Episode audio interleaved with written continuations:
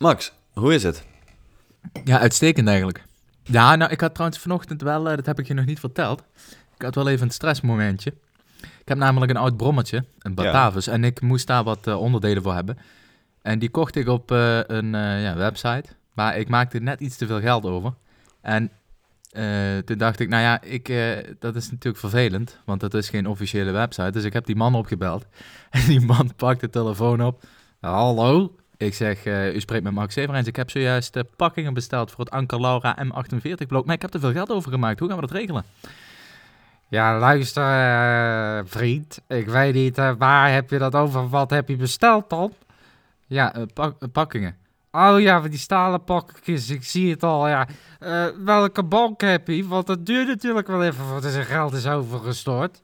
Maar goed, als ik het zie, dan eh, zal ik het wel terugstorten. Want voor een paar stalen pakketjes hoef ik die marge niet hoor. Overigens, eh, moet je niet nog wat anders hebben? Ik heb hier nog een veestaartje liggen. Zo ging dat maar door. Dat was mijn, eh, mijn eh, ja, eh, hoe zeg je dat, ervaring met een Rotterdamse uh, brommeronderdelenhandel daarvan. maar voor de rest gaat het allemaal prima. Oké, mooi. Dan Goed. gaan we nu eh, voldoen, denk ik, aan het eh, ja, immer terugkomende verzoek of we niet een keer een aflevering kunnen maken over uncontacted tribes, oftewel ongecontacteerde stammen. De mails blijven binnenstromen, we worden gebeld. Van Ja. links naar rechts krijgen we WhatsAppjes binnen. Nou, jongens, bij deze ongecontacteerde en gecontacteerde stammen.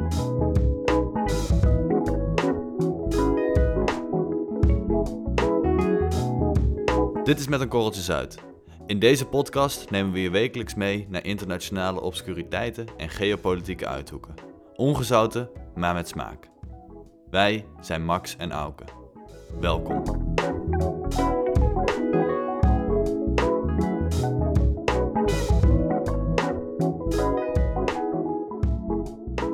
Ja, Max, jij zal dit ongetwijfeld weten, eh, maar de meeste luisteraars niet, denk ik. Ik heb een eh, Italiaanse vriendin. Lara heet ze. En eh, ja, Lara luistert eigenlijk nooit naar deze podcast, want eh, ze spreekt geen Nederlands. Dus ja, dat is jammer. Oh, wat Ehm, verhaal. Ja, maar we, hebben, we gaan het hebben over ongecontacteerde tribes. En eh, Lara's familie heeft daar wel een, een vette, vette achtergrond in. Lara had namelijk een, een opa, die is inmiddels overleden al een paar jaar. En die oude Italiaan uit het zuiden van Italië, die was in de jaren 50 het zo zat daar ja, in de bergdorpjes in, in Zuid-Calabrië. Die heeft op een, eh, op een zondagmiddag de stoomboot, letterlijk, de stoomboot, naar Brazilië gepakt. Eh, moest nog overstappen in eh, Dakar. Volgens Lara, als hij daar verhalen over vertelde, lag dat toch op het randje van racisme. Als je hoorde hoe hij over de inwoners van Dakar sprak. Maar goed, ze gingen door naar, naar Brazilië. Mhm. En ja, die oude, die oude Italiaan die heeft daar toen werk eh, gekregen diep in de Amazone om daar dammen te bouwen, geloof ik. Dammen op die rivieren en daar dan stroom uit wekken, weet ik het. Jaren 50 moet je je voorstellen. Maar hij kwam dus geregeld in contact met allerlei indianen die daar dan aan de oevers van die rivieren kwamen te staan en dachten, wat zijn dit nou weer voor blanke aliens? Mongolen. Ja, ja en zo langzaam maar zeker, zo'n ongecontacteerde tribe. Ja, op een gegeven moment is het geen ongecontacteerde tribe meer. Dan maak je daar contact mee en die geef je dan wat bananen. En ja, dat klinkt misschien een beetje neerbuigend, maar het is wel zo. Want ja, je Dat is moet iets... Niet, eh, ik, ja, ik wil je eigenlijk al meteen weer in de reden vallen. Nee, ja, gewoon. Eh, dus dat doe ik dan maar eh, meteen. Eh, dat is trouwens niet geheel ongevaarlijk, hè? Dat in contact treden met zo'n eh, ja, nog niet gecontacteerde stam. Nee, dat is, eh, dat is zeer gevaarlijk. Voor beide kanten moet, moet je daarbij zeggen. Voor die, Mhm. voor die, ja, voor die, eh, die tribesmen is het, ligt het gevaar van eh, ziektes op de loer, waar zij geen weet van hebben. Maar andersom, voor ons, de, de blanke man, eh, is het gevaar dat die, dat die, Een pijl in onze borstkas schieten. juist, ja, een gifpijl en dan ben je klaar. Ja. Ja. Oké. Nou, die opa heeft het allemaal overleefd. En die heeft, sterker nog, Lara heeft nog wat familie links en rechts in Brazilië zitten. En dan zijn er een aantal getrouwd met, eh, ja, mag je dat Indianen noemen? Of is dat, mag toch wel, of niet? Eh, ik denk het wel. Ja, ik denk het wel. Ja, ja en toen, toen dachten wij toch een beetje van, nou, het is wel interessant om eens uit te zoeken hoe dat nou zit met die ongecontacteerde tribes. Hoe staat die situatie van die knapen ervoor? Want het is allemaal niet al te best als ik het nieuws zo, uh, zo mag geloven. Nee, integendeel. Het gaat uh, best wel slecht met die, uh, met die groepen. Jij zegt natuurlijk Brazilië, dat is, en sowieso Zuid-Amerika, dus dan rekenen we even Peru, Chili, Bolivia en Venezuela mee. Mm -hmm. en Colombia, want daar zitten, die, daar zitten de meeste ja, en gecontacteerde stammen en ongecontacteerde stammen. Mm -hmm. um, kijk, nu vooral even in de actualiteit, nu heerst er het coronavirus. Nu is het zo dat die mensen uit die gebieden, die, die hebben slechte immuunsystemen. En zeker als het gaat over longinfecties en longdingetjes. En het coronavirus is nou uh, bij uitstek een virus dat toch redelijk op de longen gaat staan. En ze hebben dus echt een dik probleem. Dus van jong en oud loopt iedereen daar gevaar als daar zoiets als corona uitbreekt. En daar zijn de eerste gevallen al, uh, al van bekend.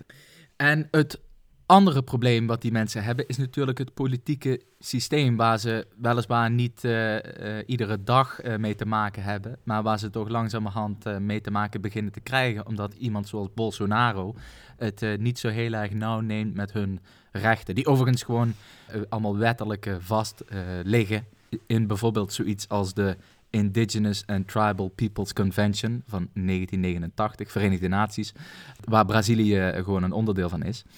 Uh, ja, die neemt dat niet zo nauw daarmee. En daarom uh, is er sprake van ontbossing en weet ik het Mhm. wat allemaal. Mhm. Om uh, allemaal economische dingetjes te, te, te organiseren in gebieden waar, ja, waar die mensen wonen. En ja, dus bedreiging van alle kanten, zo kun je Mhm, het wel zeggen. mhm. Maar ik moet zeggen, ik ging er altijd in met het idee, die ongecontacteerde tribes, die moet je ook zo lang mogelijk, en we moeten zo, zo hard mogelijk ons best doen om die mensen met rust te laten. Die moeten, die moeten lekker in dat bos blijven zitten en, en daar, weet ik het, achter, achter jachtluipaarden aangaan en, en wat anaconda's uit de rivier vissen. Maar, maar nu zit ik, ik ben toch steeds meer aan het denken van, ja, het is ook wel een beetje een soort neerbuigende, typisch westerse gedachte om die mensen juist in hun glazen bolletje te laten. En wij moeten daar als, als hogerstaande, geciviliseerde samenleving, wij, de blanke man, moeten ervoor zorgen dat die mensen maar lekker in, hun, in het romantische beeld wat wij van ze hebben kunnen blijven leven. Maar ik weet niet zo goed of ik het daar nog helemaal mee eens ben. Ik bedoel, het is 2020, kom op. Maar kijk, het punt is, uh, ik denk sowieso dat je niet gelijk hebt in uh, het feit dat wij ze met rust laten. Want wat je eigenlijk zegt is dat wij ze niet willen contacteren omdat we hun Ja. levenswijze respecteren. Maar dat is helemaal niet zo. Die mensen, die zijn natuurlijk ontzettend interessant voor allerlei soorten onderzoek. En nu zijn wij twee jongens die geïnteresseerd zijn in politieke theorie. Nou, een belangrijke politieke theorie is de Hobbesian state of nature. Hebben we het al een keer over gehad in de podcast kan het nog wel even kort samenvatten. Namelijk, de state of nature is gewoon hoe de mens zich gedraagt op het moment dat hij teruggeworpen wordt in een, uh, ja, in een soort uh, rechteloze... Natuurstaat. Uh, natuurstaat. En die ah, tribes... Ho, ho. Die... Dat, dat, ja, het is, het is niet een feit, hè, wat je nu zegt. Het is volgens Thomas Hobbes... En het is ook best wel een controversieel, controversiële theorie. Want ja, in... nee, maar dus oké, okay, prima. Dus hij, uh, dat, dat is een, uh, de Hobbes maakt het argument dat de mens dan toch een soort uh, vilijn figuur is. Ja. Nou, ja. zo, zo'n claim kun je heel makkelijk testen als je gewoon naar uh, groepen toe gaat die in een soort state of nature leven. Want als je ze dan analyseert en ze blijken inderdaad filijne figuren te zijn, dan kun je zeggen, nou die theorie van Hobbes die klopt. En als het gewoon hartstikke fijne mensen zijn die uh, nadat ze klaar zijn met het vissen van anaconda's uit rivieren gewoon fijn voor hun kroos zorgen en nog een kaartje leggen s'avonds, dan is dat niet waar. Nou, dat is allemaal een beetje heel erg kort door de bocht, maar je snapt wat ik bedoel. Je kan daar heel goed onderzoek naar doen, naar dat soort uh, tribes. En dat zorgt er dus voor dat we die helemaal niet met rust laten, die, die volkeren. Sterker nog, we proberen ze ja, te, te contacteren. Uh, we proberen ze vast te leggen op camera, et cetera, et cetera. Ja, we hebben wel een beetje het idee met z'n allen dat we die mensen zoveel mogelijk met rust moeten laten. En dan, dan spreek ik over ons uh, als, als een soort mensengroep. Uh, en dan laat ik de illegale houtkappers en de drug traffickers in, in Peru terzijde, want die hebben daar een ander beeld over. Die boeit het allemaal niet zoveel. Um, en sterker nog, in Peru is het dus in bepaalde natuurreservaten waar die mensen zitten, is het ook daadwerkelijk verboden om in contact te treden met die mensen. En dat, dat levert heel vaak eh, hele lastige situaties op. Want je hebt dus in ja, dat, Amazonegebied, dat, dat stopt niet bij de grens van, van Brazilië met Peru. Dat gaat natuurlijk helemaal die, dat gebied in. En wat je ziet is dat, dat er, eh, ja, daar zaten ooit natuurlijk veel, veel, veel meer van dat soort tribes. Nou, er zijn een hele, heleboel zijn gecontacteerd en die zijn een soort van, uh, ja, verwesterst. Dus die, die spreken Spaans of Portugees in het geval van, uh, van Brazilië. Die, die, die werken wat, die hebben, die hebben ook wel kennis van de wereld. Die hebben wat opleiding gehad. Nou goed, die zijn dus, je zou kunnen zeggen, dat zijn Peruanen. Maar die spreken ook nog wel hun native language. En die wonen ook wel aan de rand van dat, ja, dat het overgaat in dat natuurreservaat... waar nog echt die ongecontacteerde tribes zitten... En die wonen daar in kleine dorpjes met elkaar. Nou, dat levert dus vaak problemen op, want je ziet dat die, ja, die westerse stammen en die ongecontacteerde stammen toch soms met elkaar in contact komen. En dat gaat niet altijd uh, liefdevol en vredevol. Nee, je ziet dus vaak dat die ongecontacteerde stammen die plunderen. Die, die plunderen die kleine dorpjes, want die vinden bijvoorbeeld kleding, hebben ze zelf amper, vinden ze fantastisch. Dus die komen gewoon dat dorpje binnen. En die, uh, en die s'nachts die jatten alle kleding. Of ze, um, of ze jatten wat, wat, wat, wat varkens en dit en dat. Nou ja, dat, dat borrelt en dat gaat lang, wordt dat een conflict. En ik zag in een documentaire dus dat er op een gegeven moment een soort mini-oorlogje is uitgebroken. Waarbij die ongecontacteerde tribe daadwerkelijk ook kinderen van die westerse stam uh, omgelegd heeft. Nou ja, ga dan maar eens tegen die westerse stam zeggen: jongens, uh, volgens de wet is het verboden om nu in contact te treden met die jongens aan de andere kant van de rivier. Mm -hmm. Dat, wat dat levert. Je, hm? Wat bedoel jij precies met een westerse stam? Dat waren ooit echte Indianenstammen die echt in die natuurstaat leefden. Mm -hmm. Die zijn een jaar of vijftig geleden uh, ja, in contact gekomen met het Westen. Mm -hmm. um, en die, hebben dus een, die zitten in een soort van transitiefase. Dus die wonen ja. wel in die dragen kleren, die, die, die zijn boer, waarbij ze met enigszins moderne uh, technieken uh, land weten te, te verbouwen. Ja. Uh, die, lopen, die hebben een geweer, dat soort zaken.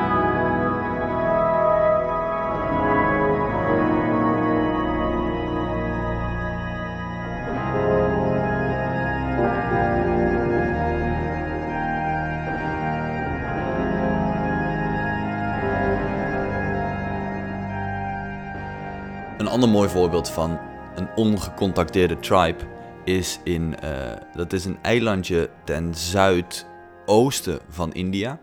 Dat heet North Sentinel Island. En dat is een mooi verhaal hoor. Want dat ligt dus, ja, als je, als je, een beetje, ja, als je de kaart een beetje voor je hebt, dan ligt dat eigenlijk midden in ja, waar de VOC uh, enkele honderden jaren keihard huisgehouden heeft. Uh, dus een beetje zo tussen Indonesië, uh, Maleisië, uh, India. Nou, da dat gebied, daar zou je toch denken, nou, het lijkt me toch knap om daar dan nooit in de afgelopen 500 jaar in contact te komen met een blanke man. Mm -hmm. um, toch is het ze gelukt, want ze zitten, ze zitten daar als een klein eilandje. Uh, daar zit een, een, groep, een groep mensen. Het is een beetje onduidelijk hoeveel. De schattingen verschillen tussen 50 of 500 mensen. En dit eiland heeft wel een beetje een bizarre geschiedenis. Want ze zijn, ja, ik zeg ongecontacteerd, maar dat is niet helemaal waar. Want ze hebben wel weet van de blanke man. Nou, de eerste keer dat ze in contact kwamen met een niet-tribaal uh, persoon, dat was uh, eind 19e eeuw. Dus ergens in 18, uh, 1880. Een, uh, een Brit. En die kwam daar met zijn schip aan. En die zag dat daar inderdaad een stel ja, savages leefden in zijn, in zijn visie. Mm -hmm. En, um, Inboorlingen. Ja, dat, wa dat waren inboordingen. En het leek hem een goed plan om dan uh, ja, toch maar contact met ze te maken. Dus dat deed hij. Hij uh, wisselde wat, uh, wat, wat, wat giften uit. En daar leken ze op zich best wel voor open te staan. En op de een of andere manier bedacht hij toen dat het wel een leuk plan was om een stuk of vijf van die mensen te kidnappen. Dus hij heeft, hij heeft daar drie kinderen en twee volwassenen heeft hij uh, ja, gekidnapt, letterlijk. Meegenomen naar zijn boot. En toen naar de eerstvolgende, ja, een paar eilanden verder, uh, zaten gewoon wat, ja, wat verder gevorderde steden. En, en dat, ja, dat was, stond wel gewoon in contact met de rest van de wereld. Daar heeft hij ze naartoe gebracht. Ja, die vijf mensen werden binnen no time dood en doodziek. Want die hadden natuurlijk nooit, nooit een immuunsysteem opgebouwd voor wat dan ook. Dus Zeker die- niet voor die Britten. Gadverdamme, hè. Dus die, die oudjes, die, eh, die waren binnen een week eh morsdood. Ja, en die kinderen waren doodziek. Toen dacht hij, nou ja, dat, dat schiet niet op. Dus laat ik ze maar terugbrengen. Mhm. Eh, dus hij heeft die kinderen doodziek teruggebracht naar dat eiland. En zoals je dan misschien ja, kan, kan voorstellen, sindsdien heeft dat eiland toch een soort ja, agressieve houding jegens ja, buitenstaanders. hun eerste contact was dus dat er twee, ja, een vijftal van hun mensen werd gekidnapt. Twee zijn er Mhm. nooit meer teruggekomen. Die andere drie kwamen doodziek terug. Het moet als een soort alien abduction eh, ervaren zijn voor die mensen. Kan ik me, kan ik me zo voorstellen. Mhm. Ehm, en, en ja, sindsdien zijn ze eigenlijk altijd ontzettend agressief als er, als er mensen bij hun in de buurt komen. Dus ehm, in de jaren 70 eh wou de National Geographic, eh, die wou daar wel een documentaire over maken. Ze waren gewaarschuwd. Eh, maar toch dachten ze, ja, laten we daar maar gewoon naar, naar, naartoe varen. En het lukte in eerste instantie wel. Ze, hadden wat, wat, ze hebben wat bananen en kokosnoten weten te geven. Maar al vrij snel sloeg de sfeer om en werden er pijlen gegooid en met pijlen en boog beschoten. Zo heftig zelfs dat de, de, de, de regisseur gewoon een pijl in zijn dij kreeg. Eh, en ze hebben de documentaire af moeten breken. What? Een pijl Ehm, in zijn been. Ja, ja die werd gewoon beschoten. Zo zijn er wel meerdere ver- verhalen. Zo heb je gewoon daar in die wateren rondom. Eh, want er liggen wel meerdere eilanden, maar die, die wel gewoon in contact staan eh, met de rest van de wereld. Eh, daar zitten veel vissers. En die vissers die vissen daar gewoon iedere dag. En in 2006 waren er twee Indische vissers die op een dag ja, iets te veel eh, whisky of, of wat dan ook achterover hadden getikt met z'n tweeën in een bootje.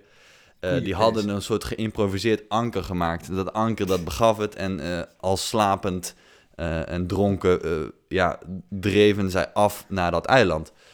Eh, zij zijn uiteindelijk nooit meer eh, daar levend van afgekomen.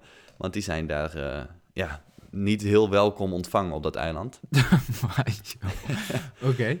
En, eh, en, en, en recentelijk nog, 2018, had je een of andere knettergekke Amerikaanse jongen. Ehm, die was ja, een soort self-declared eh, missionary, missionaris. Weet je wel, het woord van Christus verspreiden. En hij had bedacht, dat eiland, dat zijn de laatste mensen op aarde die nog nooit het woord van Christus hebben gehoord. En het is mijn missie om die mensen te gaan overtuigen dat Jezus en de Heer God almachtig is. Nou, leek hem een goed plan. Eh, inmiddels, al, al enkele tientallen jaren, is het eiland verboden toegang. Voor, ja, gewoon vanuit de Indische overheid. Je mag daar niet komen. Dat wordt ook gepa- gepatrouilleerd door een legerboot van de marine. Ehm, maar ja, die kan niet. eh, ja, het is een eiland, hè? Je kan niet eh, constant alles in de gaten houden. Eh, en er zitten ook wat vissers daar in de buurt. Nou ja, hij, eh, die, die Amerikaanse jongen die heeft eh, uiteindelijk wat vissers moeten omkopen om, ze dan toch, om hem dan toch maar op dat eiland af te zetten. Mhm. Ja, en ook die jongen is daar niet, is daar niet levend vanaf gekomen. Oei. Die is, die is omgelegd. En naar alle waarschijnlijkheid hebben ze hem wel begraven. Ze hebben hem dus, het, zijn geen, het zijn geen kannibalen of, Nee. of ze hebben hem niet met zijn kop afgehakt en op een speer op het strand gezet. Nee, ze hadden hem, ze hadden hem begraven. Dus dat vond Dat ik dan wel, op zich eh, wel... dat is wel eh, lief dan. ja, maar nee, niet... Maar wat dit, dus eh, dit soort verhalen zouden dan wel eventueel een bevestiging kunnen zijn van die eh Hobbesian state of nature. Ik eh, gooi maar een balletje op, hè. Mm, nou ja, eh, schijnbaar leven die mensen daar in relatief, relatieve vrede. Ik bedoel, ze houden het toch al, wat zou het zijn, 60.000 jaar uit? Ik weet niet, ik, ik, ik noem maar wat, hè. hoe lang ze daar Mhm. zitten weet ik niet. Maar in ieder geval al enkele duizenden jaren. Dus Ja. wat dat betreft eh, gaat dat prima. Maar zij, ze, kijk, je zegt een Hobbesian state of nature, maar dat is een soort natuurstaat waarbij iedereen tegen iedereen is. Dus een soort free for all. Maar ook dat hebben zij natuurlijk niet, hè? Nou ja, ja, ja, ik weet niet free for all. Je, kijk, je kan dat natuurlijk in verschillende eh, maten kun je dat eh, bekijken.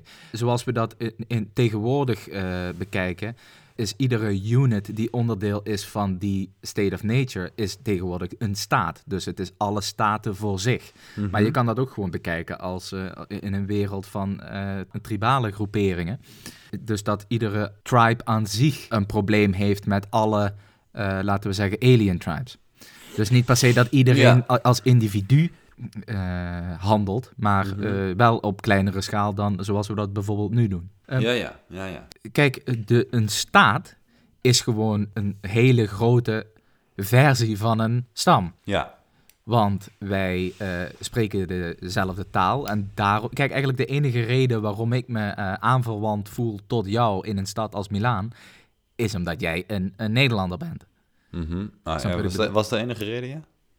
Nou ja, dat, dat, is een, dat schept in ieder geval al een Ja, band. nee, daar ben ik het mee eens. Ja, ja, ja. Dus eh, dat, dat valt in ieder geval al op. Dus dan kom Mhm. je met, in contact met elkaar. Dus, Mhm. Maar goed, kijk, er zijn natuurlijk veel meer overlappingen tussen ons twee als Nederlander met een Italiaan dan zo'n eh, eh, tribaal persoon met een niet-tribaal persoon. Maar waar, het- Mhm. waar het om gaat is dat we die mensen beschouwen als ja, vreemd of, of anders. De- eh, klopt dat? Ja, ik denk het wel, hè? want anders dan, Ja, dan gaan we daar ja. niet met National Geographic met 80 man eh, filmpjes van maken. Omdat dat nieuw is, snap je? Ja. Dat is anders. Terwijl in essentie is, doen zij natuurlijk precies hetzelfde als wij. Namelijk, eh, ze worden wakker, ze zoeken wat te eten, of ze werken voor wat te eten. Het zijn jager, jager en verzamelaars, of jagers Mhm. en verzamelaars. Mhm. Als ze dat gevonden hebben, dan eten ze dat op. Eh, ze zullen vast en zeker nog wel voor, voor wat eh, vertier zorgen en ze, eh, ze planten zich voort en dan gaan ze weer naar bed, snap je? Dus je moet, in, in essentie is dat ook precies wat wij doen. Sterker nog, wij hebben eigenlijk een veel rader leven dan dat zij hebben. Als je dus even, ja, nu wordt het wel heel filosofisch, maar als je een soort Sartreaans concept erop loslaat. Die Sartre die zegt bijvoorbeeld, pak even het avondeten als, als voorbeeld. Mhm. Je wacht totdat jouw planeet, de aarde dus in ons geval, is weggedraaid van eh, die energie, hè, van die explosie die we de zon noemen. Eh, en vervolgens schuiven we onze benen onder een omgekapt stuk hout, terwijl we samen met een andere homo sapien, waarvan we af en toe de genitaliën aanraken, kauwen op dode bladeren en dode dieren. Hè, ja, dus dat even geeft om- wel de, de, de, ja, de, de vreemdheid van het bestaan ja, aan. even de absurditeit van het bestaan. Als je dat in je achterhoofd houdt en je gaat dan kijken naar die tribes, dan valt het eigenlijk wel mee wat zij, wat zij doen. Doen ze eigenlijk Dus hetzelfde. Ja, dat is eigenlijk prima. Dus wat dat betreft denk ik niet dat het heel slim is om die mensen ja, eh, onderdeel te maken van onze realiteit. Die bestaat uit het drinken van cola en het lezen van de libellen. Ja, maar ik denk, ik denk dus wel dat het... eh, Kijk, het, het hoeft niet, maar... Kijk, je hebt de ene kant van het spectrum is dat we ze linea recta meteen, eh, bij wijze van spreken, op Times Square moeten zetten en eh, daar eh, een baan als consultant aan moeten bieden. Nee, dat hoeft inderdaad niet. De andere kant van het spectrum is ze, zo lang mogelijk en zo geforceerd mogelijk die mensen daar in hun bubbel laten en doen alsof wij er niet zijn. Terwijl... Maar dat is toch... Ik ben er echt een voorstander van eigenlijk. Ja, ik weet dus niet. Kijk, want het is ook een beetje een, een soort van ontkenning van de realiteit. Het is nu eenmaal zo dat er steden zijn als eh, Rio de Janeiro en, en eh, Quito in Ecuador en of is het in Peru? Nou goed, je hebt dat, er zitten gewoon miljoenen en miljarden mensen leven op deze aarde. Weet je, het is, het is een beetje een ontkenning van de realiteit als we maar zo lang mogelijk proberen die mensen daar in het oerwoud, in hun naki, eh, te, laten, te laten leven zoals zij leven. Snap je wat ik bedoel? Ehm, ja, er zit, er een spek. Kijk, het is niet zo zwart-wit als wat, wat ik probeer te schetsen. Maar het is, het is onvermijdelijk dat die mensen op een gegeven moment van ons bestaan eh, leren. Hè, hoe zeg je Eh, dat? Van ons nou, bestaan. ik, ik, ik waag dat te betwijfelen. Ik denk dat op het moment dat dat gebeurt, dat we toch al vrij, eh, een vrij groot probleem hebben. En dat heeft er alles mee te maken dat die, eh, in ieder geval die mensen wat in het Amazone-gebied wonen, eh, die wonen op plekken, die wonen eigenlijk in de longen van onze aarde. Hè? Het Amazonegebied, dat, daar staan nogal wat bomen bij elkaar en dat zorgt voor zuurstof. De enige manier waarop we naar die mensen, eh, met die mensen in contact komen op een eh, systematische manier, is dat dat gebied toegankelijk wordt. Nou, wat moet je daarvoor doen? Dan moet je die bomen voor kappen. Eh, dat lijkt me toch niet, dat lijkt me toch geen, dat lijkt Nee, fantastisch idee. Ik bedoel het iets anders. Natuurlijk moeten we niet de, de, de Amazone gaan kappen om dan maar die mensen zo snel mogelijk een opleiding tot uh, Nee, nee, dat, dat, zeg ik, dat zeg ik niet. Maar je zegt dat het onvermijdelijk is om die mensen... Nou, ik denk dus dat we als doel moeten hebben om dat niet te laten gebeuren. Want zoals ik, zoals ik net schetste, op het moment dat je dus systematisch contact krijgt met mensen waar je in beginsel helemaal geen contact mee zou moeten hebben, namelijk uh, verschillende stammen in het Amazonegebied, dan ben je dus blijkbaar aan het roeren met je vingertje in dat Amazonegebied. En dat moet je nou net niet doen. Nou ja, je ziet bijvoorbeeld dat, ehm, en dan quote ik Carlos Mereiles, een van de um, ja, grootste en meest bekende antropologen die zich in dat uh, gebied begeeft. En hij zegt ook van ja, het is, het is voor die mensen zelf en misschien ook voor ons beter als we ze op een gecontroleerde manier met ze in contact treden. Want kijk, het is of die Carlos Mareilis met, zijn, met, met, een, met een stel artsen en, en wat vertalers treedt met ze in contact. Of het zijn illegale houtkappers die, uh, die het ze totaal niet boeit wat er met die mensen gebeurt. En die vuren daar wat machineguns op af en die geven ze wat, uh, wat diarree-bacterie en klaar is het. Maar dat geeft toch ook de tragiek van ons systeem weer. Die Bolsonaro die wil daar met een paar houtkappers naartoe gaan om daar die, die, die bomen te kappen en die goudmijnen leeg te halen. Terwijl die heeft daar helemaal niks te zoeken. Ja, maar kijk, als we dat nu als feit beschouwen. Want kijk, ja, ja, die Bolsonaro wil dat nu eenmaal. En het feit is dat hij de president is. Dus op zich heeft hij iets meer macht en iets meer. Hij kan iets meer regelen dan jij en ik met onze podcast. Dus laten we dat even als feit beschouwen. Ja, dan denk ik dat het toch beter is dat zo'n zo'n uh, antropoloog uh, met die mensen in contact probeert te komen. En die hoopt ze te, te kunnen overtuigen dat ze maar even snel een griepprik moeten halen. Ja, dan dat Bolsonaro daar met zijn mining company overheen walst. Je kunt ze dan misschien ah, beter, die mensen, ja, in een soort transitie, uh, proberen te, te, te zetten. Eigenlijk zoals ja, die. Ben ik wel met je eens. Ben ik wel met je eens.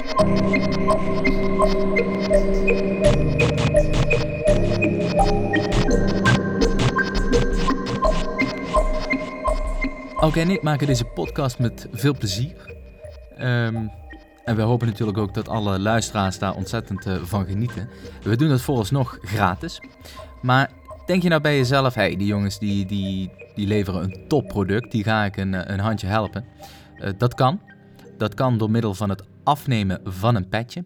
Oftewel het maandelijks of eenmalig overmaken van een, van een x bedrag.